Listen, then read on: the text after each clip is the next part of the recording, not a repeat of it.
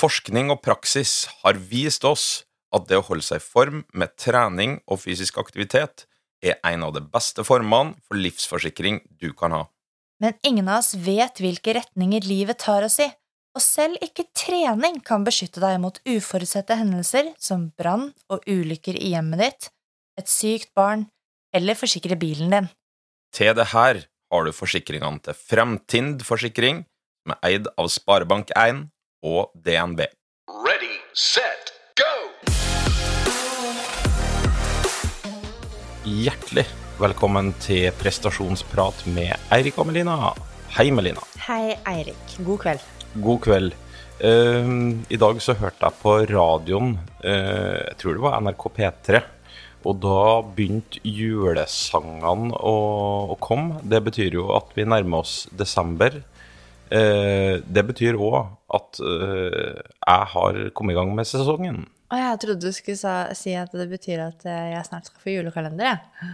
Nei, du får ikke noe julekalender i år. Det, What? jeg har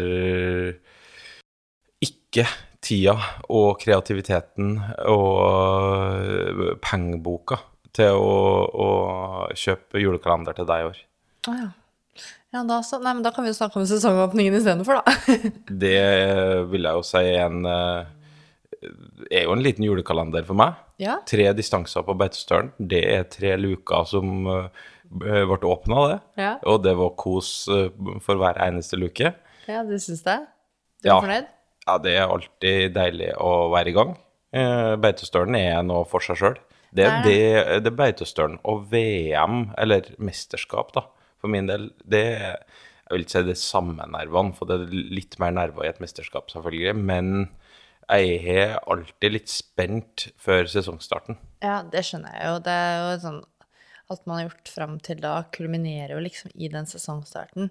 Jeg syns det var litt stusslig å ikke få lov å være med til Beitostølen i år, da. Det er jo koronarestriksjoner på ting, så vanligvis så har jeg vært der enten har jeg vært der for å trene, eller jeg har vært der for å gå skirenn, eller uh, i fjor, som når jeg var gravid, så var jeg med som, uh, hva skal man si, kone, og var med på firmaets julebord. Ja. uh, Men uansett så har jeg liksom vært på Beitostølen de siste årene hvor det har vært sesongåpning, så det var jo litt størselig da. Men det var deilig med vintersport på TV. ja. Jeg har, du, jeg har jo fått sett noe i etterkant alle skirenner på TV, og det var jo vinterstemning. Ja, ja. Eh, kanskje litt mye vinterstemning den ene konkurransen. Da holdt jeg på å bleste vekk i noe sånn snøstormtornado der. Men eh, det var kvitt og fint, og deilig å få natursnø under, eh, under skia igjen. Ja, for du var på ski du òg. Jeg var på ski, ja. Men eh, som du var inne på, det var jo litt restriksjoner der.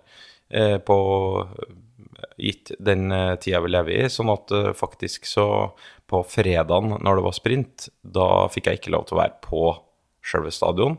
Eh, jeg prioriterte å være da på de to distanseløpene som var lørdag og søndag. Og så hadde du jo, som du som regel har, bursdag når du var på Beitostølen. Ja. Det pleier 22. 22. november, tror jeg av de siste 15 årene, så er ganske mange av de det er 15 årene der at jeg har vært på Beitostølen enten i forbindelse med konkurranse eller samling på den 22. november, og i år var ikke noe unntak. Så Eh, lenge vi har vært sammen, så kan jeg bare huske et par bursdager som vi har vært i Oslo, da. ja, det, det tror nok jeg òg helt Da du ble 30, tror jeg kanskje. Ja, det kan nok eh, hende. Min hukommelse på akkurat sånne ting er heller middels. Men eh, jeg vet at jeg har vært på Beitostølen mange ganger, og det er jo lite som slår å feire bursdagen med skirenn på, på morgenen, og så ture hjem, få servert eh, Hva spiste vi? Vi spiste Vi hadde crispy duck, som jo er dødsdigg. Fordi vi kan jo ikke gå på restaurant nå, og noen ganger når vi har gått på restaurant, du og jeg er før jeg holdt på å si pre-baby, eh, så har vi jo gått på dinner lite grann, og på en restaurant i Oslo som heter Tataki, og der har vi spist noe vi begge syns er dødsgodt, og det er nemlig crispy duck. Yes. Eh, så da tenkte jeg, når jeg da hadde ansvar for maten, og skulle liksom gjøre litt ekstra stas på deg på din bursdag, lage restaurant hjemme, så skulle jeg da kjøpe crispy duck, og de har sånn, på Meny så har de sånn Jacobs utvalgte, sånn basically sånn ferdig kit, da. Men det viste seg å være langtidsutsolgt. Så når jeg spurte om, om de hadde det, så han, ser han på meg og sier han sånn, men du kan jo bare lage det selv fra bunn. Og da hadde jeg egentlig tenkt å si sånn, nei, det kan jeg ikke, eller det gidder jeg ikke, eller jeg hadde jo ikke sjekka om det er lett eller vanskelig. Så da turte jeg ikke si at jeg ikke visste åssen jeg laget det. Så sa jeg bare sånn, ja, det kan jeg jo. Og så viste han meg litt ting og tang jeg trengte, og så ja, så ble det crispy duck. Det var jo ikke noe vanskelig. Enden på visa ble det at det var jeg som laga det, i og med at du, Jeg du måtte mate barnet. At han eh, godeste Niklas drev og la seg, så ble det jeg som laga det. Ja, Men det var bare hyggelig. Og så hadde du laga gulrotkake til etterpå. Ja, det hadde jeg, og den spiser jeg mesteparten av. Ja, du er mer kakemonster enn meg, sjøl om jeg er også et kakemonster. Så er du verre. Ja, jeg er et eksepsjonelt kakemonster. Ja. Men noen som også har hatt bursdag, det er Prestasjonsprat-podkast. Yes, plutselig. Ja, fordi vi eh, startet jo opp podkasten i disse tider, rett og slett, eh, Ja. i fjor. Og da husker jeg vi tok um, Vi møtte sponsorer, og vi tok bilder med Didrik Tønseth og Emil Iversen, som var noen av de første gjestene vi hadde. Og det året har bare flydd forbi, selv om det har skjedd veldig mye. Så hurra for uh, prestasjonsprat, og tusen takk til alle dere som lytter på, som gjør Ja. at vi har fortsatt med dette her. Det, Fordi det har gått over all forventning. Vi tenkte jo at det kanskje kom til å være 50 spesielt interesserte nerds sånn som oss som eh, lytter på, og så er det jo en hærskare. Ja, det har er- gått over all forventning, og, og eh, jeg syns jo det har gått veldig fort. Eh, hver, ja, annenhver onsdag i Det er faktisk over et år. Mm. Jeg måtte inn og sjekke. Eh, så har den podkasten her kommet ut med ymse tema. Alt eh, prøvd å omhandle temaet prestasjon. Vi har fortsatt masse på blokka som vi ønsker å ta opp, og Jeg det har jo listen i dokumentet foran meg her nå, og den, den er innholdsrik. Ja, takket være dere som lytter på, så har vi muligheten til det. øh, Både fordi at dere er så ivrige på å sende inn spørsmål og forslag til tema etc. Og Ja, at at vi har fine tall vi kan vise til. Ja, ikke sant. Det, det er jo bare hyggelig. Så um, Men dere skal vite det at uh, Eirik er nå hjemme to dager i løpet av ca. 14 dagers periode. Og eh, en av de kveldene bruker vi da til å spille inn podkast. Så såpass ålreit syns vi det er. Men jeg vet at det kosta deg litt å sette deg ned i dag, da, kjære.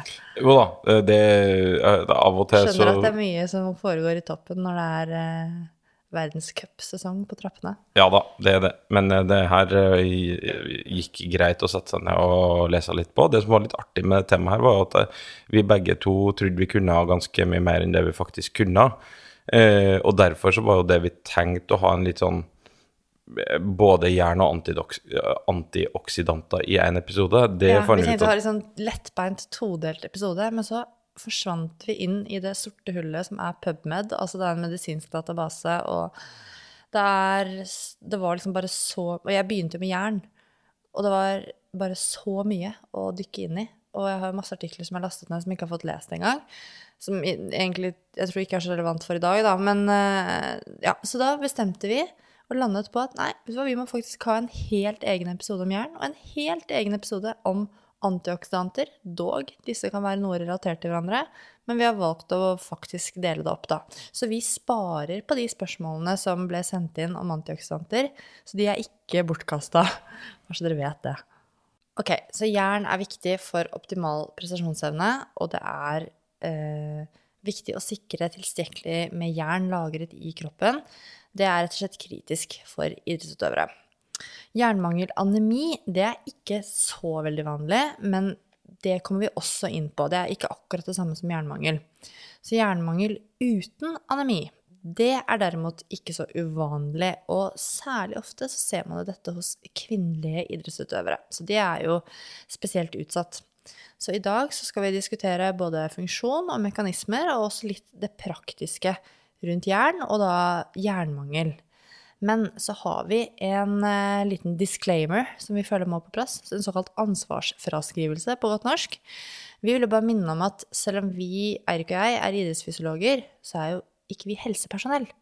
Så hvis du tror at du har noen plager eller noen utfordringer relatert til jern eller noen av de andre temaene vi snakker om i prestasjonsprat, eller hvis du skal begynne på en type behandling, eller ja, hva som helst som du kommer på eh, relatert til våre podkaster, så er dette ting som du må snakke med legen din om, sånn at du kan få den riktige oppfølgingen. Så vil jeg bare si det. Da kjører vi i gang. Eh, Når jeg gikk eh, på ungdomsskolen Mulig at vi hadde på barneskolen nå, det begynner å bli noen år siden, men i alle fall på ungdomsskolen så hadde vi heimkunnskap. Eh, Det var for så vidt et litt sånn favorittfag. fordi at vi Hva fikk du? Eh, Jeg fikk vel toppscore, vil jeg tro. Jeg husker jo ikke, men eh, jeg er jo utrolig som, god som husmor. Så jeg vil jo tro at jeg fikk toppscore der. Jeg husker ikke, Vi hadde vel ikke A og B og sånn da? Da Nei, vi hadde du hadde seks. sånn sekser og femmer og sånn. Ja, da må jeg ha fått sekser. Jeg kan okay. Ikke forstå noe annet. Poenget var at uh, i hjemkunnskap så fikk de jo mat. Og mm, matmons, som jeg alltid har vært, så var det superdigg. Men av og til så måtte du jo ha litt sånn teoretisk eh, undervisning. Og da husker jeg på Da måtte, var jo en av de tingene du fikk beskjed om. Ja, var viktig med vitaminer og mineraler. Eh, fikk den jo beskjed om, og ja, tenkte jo ikke mer over det. Men i dag så skal vi altså innom jern, og det er jo et sånt mineralstoff, da.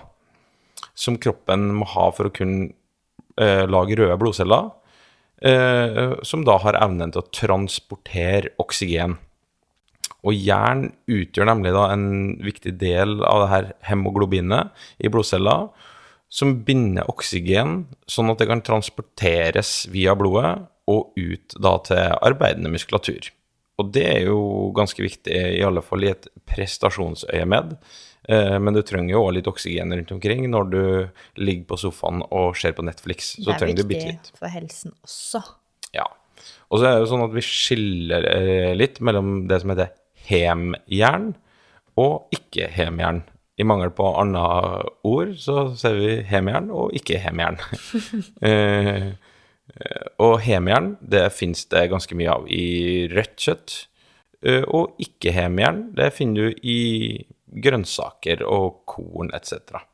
Jeg må ta med at i den eh, hemjernbiten, så finner, det finner du også i leverpostei, som vi spiser veldig mye av. Ja, jeg spiser eh, Du spiser enorme mengder. enorme mengder med leverpostei, men det er fordi at eh, når man har vært eh, Når man er gravid, og når man også har vært gravid, så eh, får man ofte lave jernlagre. Sånn at jeg bare gønner på, rett og slett, med leverpostei og andre jernrike ting som vi kan komme tilbake til, for å sørge for at hjernelagrene mine er oppe og nikker. fordi ellers så tenker jeg at det ikke er sånn top notch for all den treninga jeg liker å gjøre, som vi også skal komme tilbake til. Så jeg gønner på, og nå har jeg også begynt å gi vår kjære sønn eh, litt eh, leverpostei. Så er det Niklas og jeg, da, som eh, spiser de der boksene. ja, Og så spiser jeg liksom restene fra sånn, en sånn halvspist boks som ligger i kjøleskapet. Så spiser jeg opp. Det rekker du nesten ikke, tror jeg, for jeg har nesten en hel boks, altså de små leverposteiboksene på brødskiva. Jeg satt og håpa du skulle si feil og si at du hadde lave leverposteilager, men Det tror jeg ikke jeg har. eh, det hadde, Fordi det hadde vært moro for meg, som syns sånne ting er artig. Sånn, sånn er du. Ja. Eh, daglig inntak av jern da, for eh, friske personer med relativt normal fysisk aktivitet, det bør ligge mellom 8 til 15 milligram eh, daglig. Avhengig da selvfølgelig av eh, alder og kjønn. Og hvis en er ekstra utsatt for å utvikle da, altså jernmangel av en eller annen årsak, så kan det ofte være aktuelt å spise, få i seg litt mer, da. Men eh, som du var inne på i starten, eh, i samråd med lege. Det er, folk som kan det, i hvert fall som kan det bedre enn oss. Så hvis det skal være aktuelt å ta mer enn anbefalt daglig dose, så da kan det f.eks. være i forbindelse med at man har en spesiell sykdom, eller ja, det er noe spesielt da, som Ja. gjør at man skal ha litt, eh, litt ekstra. Ja. Eh, Det her jernet, da, det går jo gjennom eh, hele systemet og kommer ned i tynntarmen. Eh, Og der tas det opp, og der binder seg det til noe som heter transferin, som da transporterer det her med blodet. Og 60-70% av det du har spist, av jernet du har spist, det brukes da til å lage det her hemoglobinet som jeg var inne på, i beinmargen. Men ca. 5 benyttes eh, i myoglobin, eh, som vil ta opp oksygen fra hemoglobinet eh, under arbeid og gi det da videre til arbeidende muskelceller. Eh, en ganske liten, men helt essensiell mengde jern, eh, og med på ulike såkalte metabolske signalveier ved aerob energiforbrenning. Eh, og det resterende 20-30% av jernet, det lagres i leveren, og, og nå kommer det et artig ord, og i det retikuloendoteliale systemet. Det var jeg så spent på om du skulle si riktig. Retikuloendoteliale Ja, system. du, du, ikke brif med å si det veldig fort. Nei da, men eh, du klarte det. Men Ja. det er jo da et system som omfatter eh, lymfer, beinmarg, lunger Altså det er en sånn samlebetegnelse for mange systemer som Og alle disse tingene i systemene har endotelceller. Det er, det er et sånt ord du kan prøve å se fort tre ganger på rad. Si det, Uh, Eh, retikuloendoteliale. Det var ikke noe fort, men vi kan gå videre. Ja, men det, altså Hjernecellene mine gikk litt sakte når jeg skal si det. Jeg må liksom ha ordet foran meg, og så Du har det foran deg. Ja, ja, jeg har det foran meg, og så er det sånn langt og ekkelt å si. Ja, det er litt langt og ekkelt. Ehm, ja, og så har du ferritin, da, som kanskje en del har hørt om. Eh, det sirkulerer i blodstrømmen, og egentlig så reflekterer det her da jernlagrene i kroppen ganske så nøyaktig, og er da en sånn veldig reliabel markør da, for jernstatusen. Um, ja, altså 1 nanogram per milliliter ferritin, det er fem til ni milligram lagra jern. Jeg syns ikke det er veldig nøyaktig. Altså fem til ni det er et ganske stort hopp, men det er nå i hvert fall det eh, holdt på å si vitenskapen sier, da. Ja, men det er liksom Det er jo sånn med hjernenivåene, så er det en range, da. Eh, uten at jeg skal ta liksom alle disse rangene nå. Sånn at det er presist nok, egentlig, da. Ja. tiden. Og så er det noen ganger sånn at når du skal til legen og ta en blodprøve og måle det her, eh, eller sjekke jernstatusen, da, og måle ferritin, så er ferritin i blodplasma Det, det kan være forhøya etter eh, fysisk aktivitet, eh, eller at du er, har noe inflammasjon i kroppen. Så det her bør du Skal du få en litt sånn reliabel eh, jernstatus, så bør du ta den blodprøven eh, kanskje på morgenskvisten, frisk og rask, før du har trent eh, noen ting som helst. Nå skal jeg ha petimeter. Det blir jo da en valid jernstatus. Ja, hva sa jeg? reliabel. Oh, ja. Testen er reliabel, men eh, det, Same, same, but different. du, Nei. men det du skal måle, er eh, det, det måler på en måte ikke det du har tenkt å måle, da. Ja. Eh, hvis du tester rett etter hard trening, eller hvis du er syk, så da er det bedre å utsette test. Eller som du nevnte når vi diskuterte litt her i sted, at hvis noen av dine utøvere f.eks. skal ha, ta, sjekke jernstatusen, så gjøres det ofte på morgenen Ja. før man har trent første økten. Så det Jeg tenk, har ikke tenkt så mye på det selv, men det er ganske viktig å huske på, da. ja det, du kan ikke ta deg ei knallhard treningsøkt, og så går du og måler jernstatus, for da får du høyst sannsynlig eh, feil svar. Ja. Falsk eh, forhøyet. Mm. Når det gjelder jernets rolle og kroppens fysiske kapasitet, så er det sånn at jern er helt kritisk for helt spesifikke biokjemiske og fysiologiske prosesser i kroppen, som er særlig viktig for eh, utviklingen av ja, utholdenhetskapasiteten eh, og prestasjonsevnen, selvfølgelig. Og når det gjelder hemoglobin, så har jern en viktig rolle i den delen av hemoglobinet som er hemmolekylet. Og hemmolekylet binder seg med globuliner i beinmargen, og dermed blir det hemoglobin. Eh, og du må jo ha en viss mengde med hemoglobin sirkulerende i kroppen for å kunne transportere det oksygenet du trenger fra luften som du har pustet inn, og ut til de arbeidende musklene. Og da blir oksygenet videre brukt i eh, ja, det metabolske maskineriet vårt, og dette har vi snakket om ganske inngående i den episoden som handler om forbrenning. Eh, Så den kan man jo gå tilbake og lytte på hvis du ikke har hørt den. Vi snakker om eh, arob energiforbrenning, blant annet. Der oksidering av eh, fett og karbohydrat står jo helt sentralt der, da. Og det å ha adekvate, altså ha jernlagre som er innenfor referanserammen, det har tett sammenheng, eller tett korrelasjon, blir riktig å si, med det arterielle oksygeninnholdet. Altså det oksygeninnholdet som du finner på arteriesiden i kroppen. Og med den maksimale evnen til arbeidende muskulatur til å utnytte oksygenet. Og det, da kan du spole tilbake til en av de aller, aller første podkastene vi hadde om VO2 Max, Ja. der eh, blant annet det arterielle eh, oksygeninnholdet er viktig en del av eh, regnestykket, da, eh, når vi skal fram til VO2 Max. For de som har sett med fiks Fiks ligning. ligning, så blir den relevant her, uten at vi går noe mer inn på det akkurat nå. Når det brukes oksygen, så brukes det altså jern. Så dersom du bare får en liten reduksjon i hemoglobinkonsentrasjonen i blodet, fordi jernlagrene er så lave, så vil det jo generelt sett redusere evnen til å skape utholdenhetsprestasjon, eller opprettholde utholdenhetsprestasjon.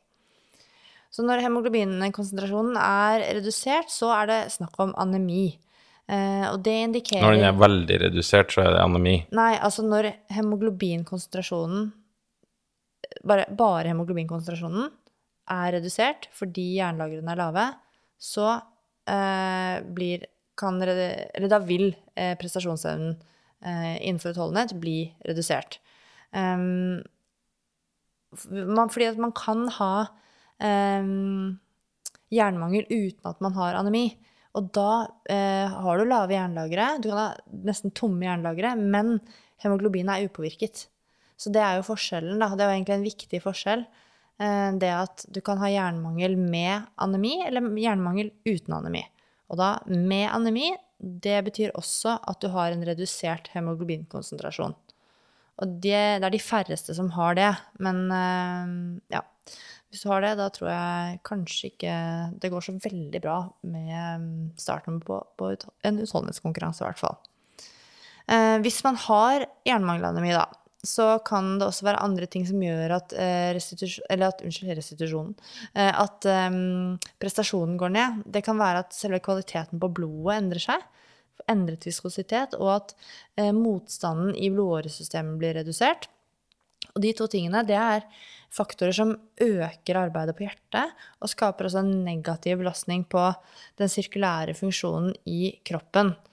Ehm, så det er eh, flere ting, eller blir på en måte en kaskade av mekanismer da, som kan gjøre at eh, prestasjonsevnen går ned, hvis man da har jernmangelanemi. Når det gjelder altså det intracellulære og metabolske, altså det som foregår når det gjelder forbrenning inni cellene våre, så er jern også viktig.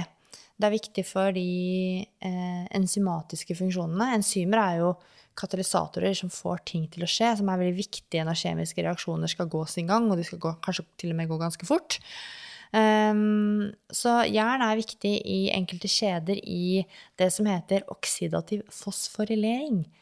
Og det er eh, Det er vel sitronsyresyklus, er det ikke det? Eh, Det er mer eh, elektrontrans... Elektrontransport igjen. Unnskyld. Ja. Ja. Mm. Det kan tilbake i igjen den forbrenningsepisoden. Ja, der snakker vi om det. Eh, og så finnes det også beviser da, for at eh, hem, altså den aktive delen av hemoglobinet, eh, som er avhengig av tilstrekkelige jernlagre, kan være en begrensende faktor når det kommer til det å faktisk danne mitokondrier i muskelcellene. Eh, det var nytt for meg når jeg leste. Og da tenkte jeg sånn Oi, shit, det er jo veldig viktig for utholdenhetsutvikling.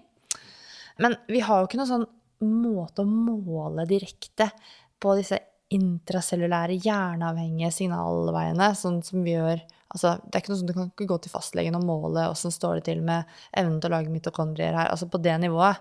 Det fins det ikke. Og det fins ikke så mye data på hvordan disse tingene fungerer i mennesker, som hos dyr f.eks. Så vi vet egentlig ikke så mye om eh, hvorvidt eller hvordan jernmangel i mennesker eventuelt kan føre til redusert idrettsprestasjon pga. noe som skjer inni muskelcellene. Det blir veldig sånn smått. Jernmangel, det har du jo vært inn på allerede, at det kan jo påvirke oss veldig sånn fysiologisk. Og så er det noe som ble, jeg ble litt sånn overraska over eh, når jeg leste det, som jeg ikke egentlig hadde tenkt over. Eller det kan hende jeg har hørt det før, men jeg, det har i hvert fall ikke festa seg. Men i hvert fall så er egentlig sånn at jernmangel det påvirker den emosjonelle helsa vår og den kognitive funksjonen vår, begge to i negativ retning.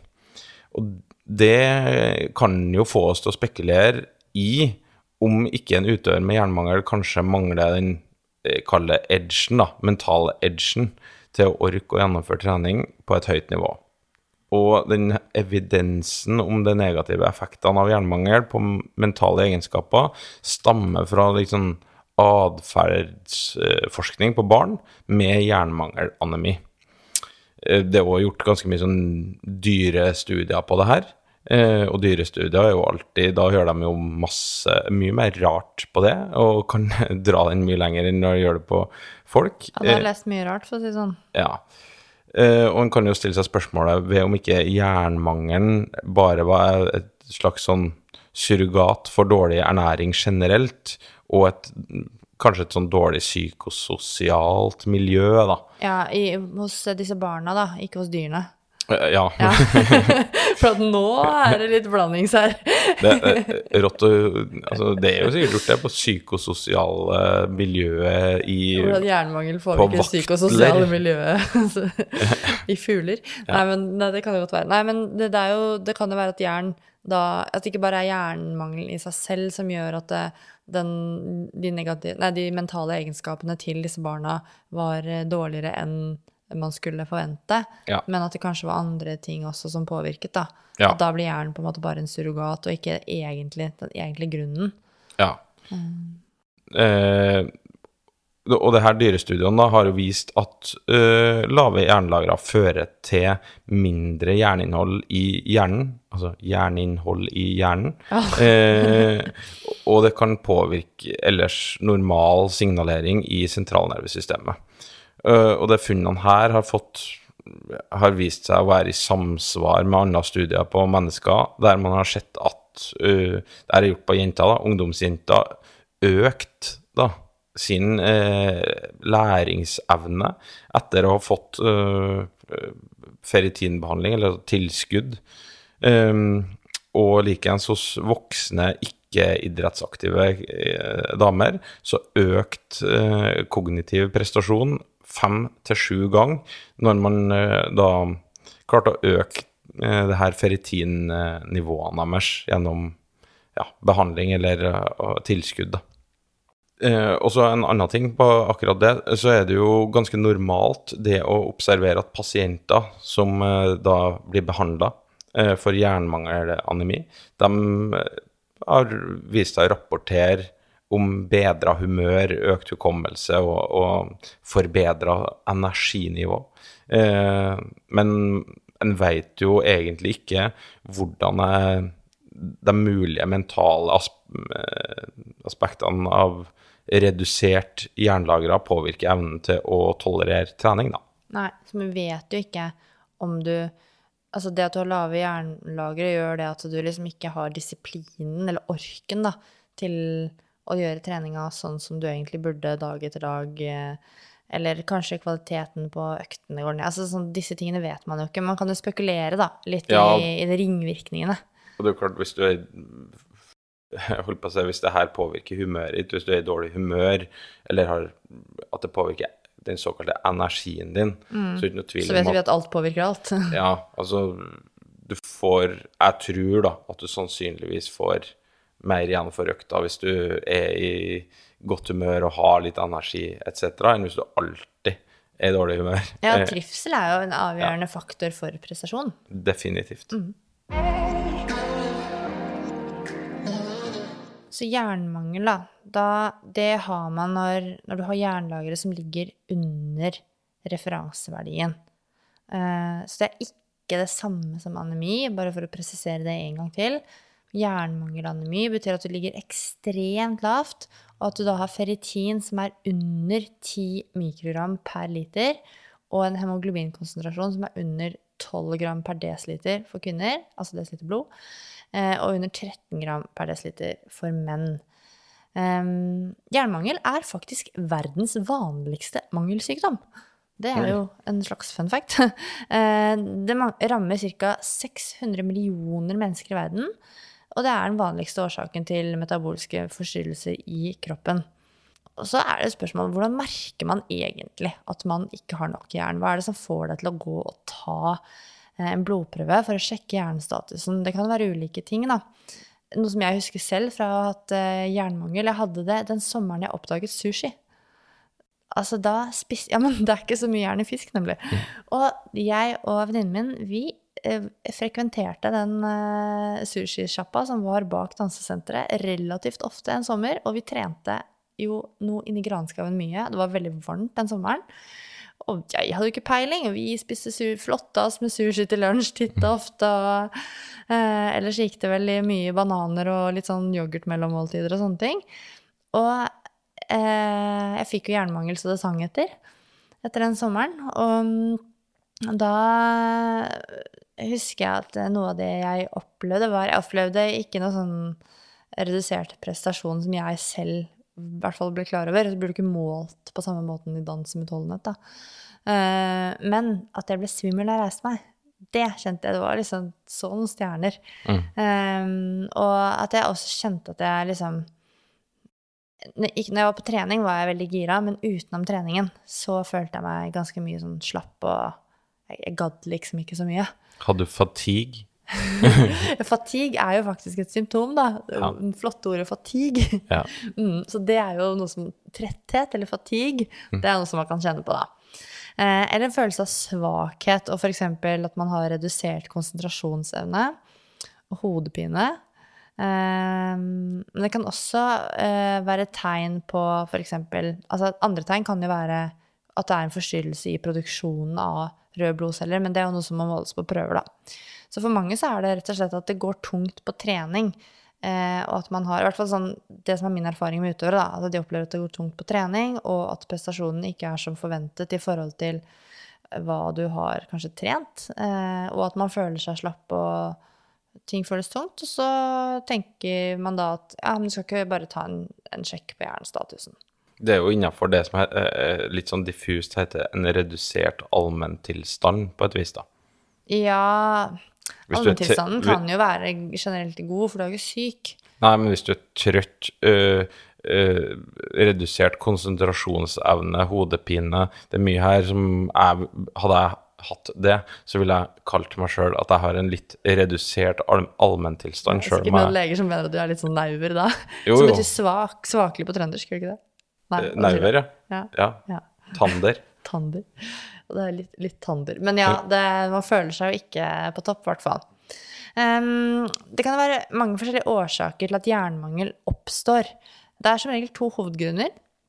Det ene er at selve opptaket fra tarmen kan være dårlig, eller at det skjer et økt jerntap. Eller kan litt, eller kan være begge deler. Hvis det er begge deler, at du både har dårlig opptak, og at det er ting som gjør at du har et utover normalt eh, stort jerntap, så er det jo ikke topp news, egentlig. Um, og så er det også sånn at sykdommer som gir kronisk inflammasjon, sånn som kreft f.eks., eller ulcerøs kolitt, eller gastritt, eller som egentlig magekatarr, da, på godt norsk, eh, det kan også gjøre at selve utnyttelsen av jernet som du spiser gjennom, gjennom kosten, da, at det blir dårligere. Reguleringen av selve jernmetabolismen den kan lide under store fysiske prøvelser. Det kan være f.eks. under et spesifikt type arbeid på en gitt økt, men det kan også eh, være at hjernemetabolismen eh, fungerer, blir dårligere etter en periode eller under en periode med mye og tøff trening.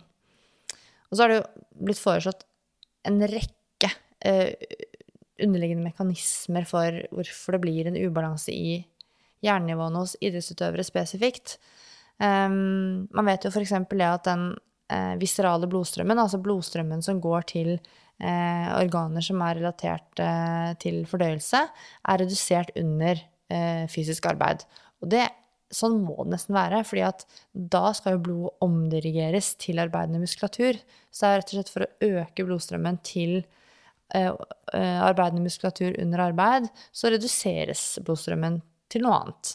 Og da eh, det viserale, da, som har med mage-tarm å gjøre. Eh, og det kan jo føre til at man f.eks. får et redusert eh, opptak da, av næringsstoffer, som f.eks. jern, under denne aktiviteten. I tillegg så har røde blodceller redusert eh, levetid og en høyere turnover eh, pga. at det kan oppstå noe som heter hemolyse eh, pga. fysisk trening. Um, det var også egentlig relativt nytt for meg. Men det viste seg at det var faktisk en del studier som hadde funnet dette. Og hemolyse det betyr at det er nedbrytning av røde blodceller, slik at den normale levetiden på 120 dager for en rød blodcelle, den blir forkortet. Det er i hvert fall gjort en del studier eh, på dette på løpere, eh, også funnet noe på rugbyspillere, hvor det har sett denne eh, arbeidsinduserte hemolysen. I tillegg så er det noen andre sentrale faktorer som kan føre til økt jerntap i forbindelse med trening. Og det er at du faktisk taper jern gjennom svette og gjennom urin. Men man tror jo at akkurat gjennom svette og urin at det har veldig lite å si sammenlignet med andre ting som kan påvirke eller kan være årsak til jernmangel. Da. Så det er ikke, sånn, det er ikke veldig tungtveiende årsaker. Um, men et veldig viktig poeng da, det er jo at det er veldig sterk sammenheng mellom det totale energiinntaket ditt og hjerneinntaket. Altså spiser du lite, eller spiser du for lite, så får du for lite jern. Mm. Sånn at det er jo Og det er jo kanskje nummer én. Altså sørg for at du får i deg den energien du trenger. For at hvis du får i deg den energien du trenger fra vanlig mat, sammensatt kost, så får du stort sett de mikronæringsstoffene som du har behov for. Og så er det selvfølgelig noen unntak med noen litt mer utsatte grupper, som f.eks. Eh, kvinner innenfor utholdenhetsidrett, som Mm. er litt mer utsatt. Men, men eh, Samtidig, det er, det er jo det samme som gjelder. Får du i deg nok? ja, så får du nok. Mm. Ergo får du nok. Ja. Eh, blødninger, eh, som f.eks. menstruasjonsblødninger, som er en helt naturlig hypp, relativt hyppig blødning som skjer hver måned. Eh, Til ca. 50% av verdens befolkning. Ja, ca. 50% av verdens befolkning eh, kan påvirke. Det er jo veldig stor individuell eh, Selv om inn, i hvert individ er det relativt stabilt hvor mye man blør, men det kan være veldig stor individuell variasjon eh, med hvor mye man blør. Da. Så for noen kvinner så, så mister man veldig mye blod under menstruasjon, og det kan påvirke. Eh, Det kan også være blødninger fra mage-tarm-kanalen, eh, neseblod f.eks., og hvis du gir blod. Det er viktig å gi blod, da, men det kan påvirke jerntapet. Eller gjør det. Det Høyst sannsynlig. Ja, det gjør jo det, da. Tapper du en halvliter blod, så ja, la oss påvirker det. kalle en spade for en spade. Eh, så er det andre årsaker som kan f.eks. være at man har en absorpsjonsfeil. Det høres egentlig ut som sånn signalfeil, men Men også et ord som er litt vanskelig å se fort. absorpsjon, absor, absorpsjonsfeil. Men det vil jo da si at opptaket ikke fungerer som det skal, og det kan f.eks. være et tilfelle hvis man har uoppdaget cøliaki. Og det kan man jo dra til legen og teste seg for Og oppdage. Og oppdage. Sammenhengen mellom lave eh, jernlagre, eller tomme jernlagre, såkalt jerndepresjon, og treningskapasitet er ikke så tydelig som ved jernmangelanemi. Man tenker at teoretisk sett da, så vil ikke lave jernlagre føre til nedsatt arob-kapasitet, fordi eh, det er kun jernlagrene og ikke hemoglobinnivået som er redusert. Og da vil ikke det her VO2 max bli påvirka, og lave jernlagre skal heller ikke påvirke jernfunksjonen i den her oksidative metabolismen i vevet, da. Det er eh, altså teoretisk sett, da. Eh, men det foreligger faktisk nå noen få, men relativt gode beviser for at selv reduserte nivåer av vevsjern, altså vanlig jernmangel uten anemi, kan redusere arbeidskapasiteten og faktisk kan redusere prestasjonen. For at når både jernlagrene og eh, vevsjernet da, er redusert, så kan muskelvevets kapasitet til å bruke eh, oksygen fra dette tidligere nevnte myoglobinet og også jernholdige proteiner i eh, den aerobe energiproduksjonen blir redusert. Og så er det flere studier som har undersøkt sammenhengen mellom lave jernlagre og aerob-kapasitet hos idrettsutøvere. Da har de studert effekten ved å gi jernsupplement, og sett på da utøvernes prestasjonsevne. Det er jo litt sprikende resultater fra akkurat disse studiene, men eh, noen senere studier fra liksom tidlig 2000-tallet, eh, de har vist at eh, det er Altså arob funksjon og utholdenhetskapasitet kan svekkes allerede ved det første trinnet av jernmangel, altså det som er jerndepresjonen, når man ikke har nok jern i vevene sine. Eh, og dette har man sett både eh, hos eh, eh, mosjonister, eh, og man har sett det hos idrettsutøvere. Men det er eh, Man vet fortsatt mer om hvordan jernmangel med anemi påvirker prestasjonsevnen, sammenlignet med jernmangel uten anemi. Sånn at det trengs jo flere studier på området der. Men det er altså grunn til å tro da, at, eh, at det kan påvirke. Og uansett, da, har man lave jernlagre, så er det jo all grunn til å prøve å, å få de opp. Både fra prestasjonsperspektivet, men også fra helseperspektivet. Nå har vi jo snakka litt sånn teoretisk om jern, da, og så er det jo om å komme inn på liksom hvordan det her skal håndteres praktisk, og hvordan en skal håndtere jernmangel og, og håndtere kosthold i forhold til det, det her med jern og, og sånn her. Og hva tenker du? Jeg tenker jo at eh, det er all grunn til å gjøre en jevnlig screening. Altså at du tar eh, en blodprøve og får sjekket jernstatus. Det, mm, det tror jeg er I hvert fall for utholdenhetsutøvere. Så, så burde man Jeg tenker at det burde man gjøre jevnlig. Ja, da, da får du jo en slags historie på det her. Eh, En enkelt prøve kan jo si litt, men har du flere prøver, gjerne over flere år, så har du jo et litt sånn Da vet du hvordan hvor kartet er, da. Og det er lettere å, å guide i forhold til et kart på, inn- på hvert individ. Eh, for at vi alle varierer litt. Alle, Ja. vi ligger, eh, du skal ikke ligge på Alle hele verden ligger ikke på én eh, Konstant verdi, liksom. konstant verdi, eh, men vi ligger litt forskjellig, og det får du da et slags kart over hvis du har litt jevnlig screening. Da. Eh, og så er det jo Altså, hvis man har ja, lave jernlagre, så uh, Det inntrykket jeg har, er at det er i hvert fall ikke noe sånn fasit på når er det man anbefaler å ta tilskudd. Altså, hvis du har bare, bare litt så vidt en, i nedre grense av referanseverdien, så er det kanskje ikke grunn nok til å eh, anbefale tilskudd. Altså, dette vet ikke jeg, men ut fra litteraturen som jeg har lest nå, da, den vitenskapelige litteraturen, så, så virker det som det ikke er sånn 100% konsensus på at nå setter vi i gang med eh, tilskudd. Bortsett fra da hvis man har anemi. Da er det liksom hevet over enhver tvil at dette skal behandles med tilskudd. Eh, sånn at ja, generelt sett så må, må vi jo si at jerntilskudd skal tas i samråd med helsepersonell. Altså du skal ikke drive og selvmedisinere deg med jerntilskudd. Eh, det går også an å få for mye jern, faktisk, som også det er jo kan ha noen eh, negative konsekvenser. Ja.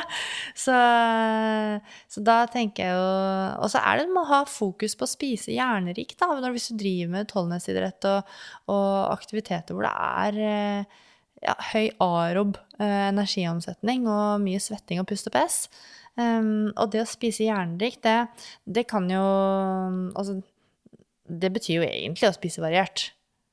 Ja, nok og variert. Ja, og så er det jo, jeg har lyst til å bare liksom, ta opp en liten sånn smørbrødliste på et par sånne, kall det liksom faremomenter. At hvis man er i noen av disse gruppene, så bør man kanskje ha litt ekstra fokus på å spise jernrikt. Og det er hvis du har veldig lavt energiinntak, eh, hvis, altså kronisk, og hvis du er i en vektreduksjonsperiode, så er du spesielt utsatt. Eh, hvis du har lite eller veldig uregelmessig forbruk av rødt kjøtt i kosten din, ikke spiser noe særlig fjærkre eller fisk heller. Hvis du er vegetarianer, så er du mer utsatt. Eh, Veganer også. Eh, og hvis man selvfølgelig spiser altså, Mye av karbohydratene man spiser, kommer fra veldig sånn sukkerrikt, uh, veldig usunt kosthold, da. Eh, Digg. med andre ord. ja, digge ting. Lørdags, hvis du har lørdagskostholdet liksom hver dag. um, og hvis man også har et lite forbruk av matvarer som er rike på C-vitamin, fordi C-vitamin er med på å øke jernopptaket. Derfor anbefaler man ofte at du tar uh, jerntablettene med et glass uh, appelsinjuice, f.eks. Og hvis man er storforbruker av kaffe, kaffe eller koffein er med på å. Sånn at eh, da må man kanskje time litt. Og det som jeg har eh, Jeg har jo hatt noen spørsmålsrunder på Instagramen min hvor jeg av og til har fått spørsmål om dette med jern, og har rådført meg med noen kliniske ernæringsfysiologer. Og da har jeg fått til råd da at eh, la det gjerne gå én til en og en halv times tid mellom kaffekoppen og jerninntaket. Altså hvis du tar jerntabletter, da. Eh, sånn at du liksom ikke tar det sammen. Og jeg kan jo bare gi et litt sånn tips som jeg selv bruker, da. Og det er jo at når jeg spiser middag, det er ofte da jeg tar Jeg bruker ikke kosttilskudd til vanlig, men akkurat nå tar jeg sånn ammevitaminer. Og der er det jo ja, Det er sånn kombinasjonsprodukt, da. Men det tar jeg eh, til middagen.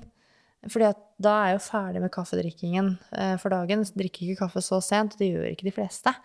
Eh, kontra det å skulle ta vitaminene på morgenen, hvor jeg da har veldig lyst på kaffe, og ikke egentlig har tid til å drive og vente med disse ja. Så det å ta det til middag kan være et tips. Må begynne å drikke appelsinjuice til middag, da. Nei, Jeg, jeg kan jo gjøre det, men uh, da spiser jeg jo kanskje noen andre grønnsaker som også er rike på C-vitamin, da, for eksempel.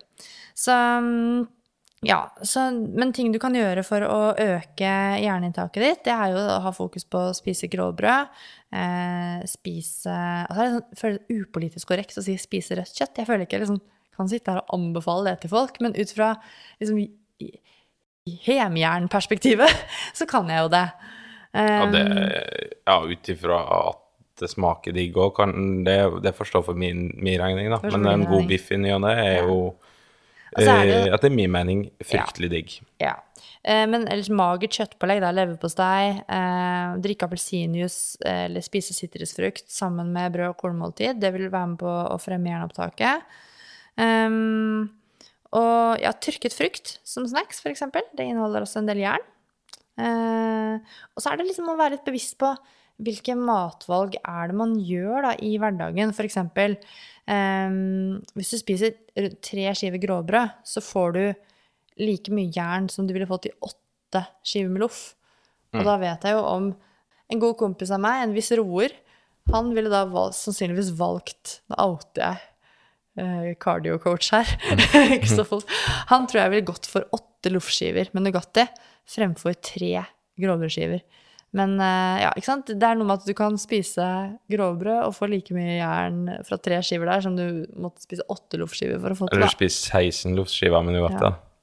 Det Enda diggere og enda mer jern. Det høres mye ut, da. Ja, Men det tuller er vi fort fælt, men, eh, og det er sent på kvelden, men litt bevissthet rundt matvalg, og da er det jo så ja, leverpostei, eh, bønner, grovt brød, grønne grønnsaker, tørket frukt, ytrefilet av storfilet, lammekoteletter, kyllingbryst, den type ting.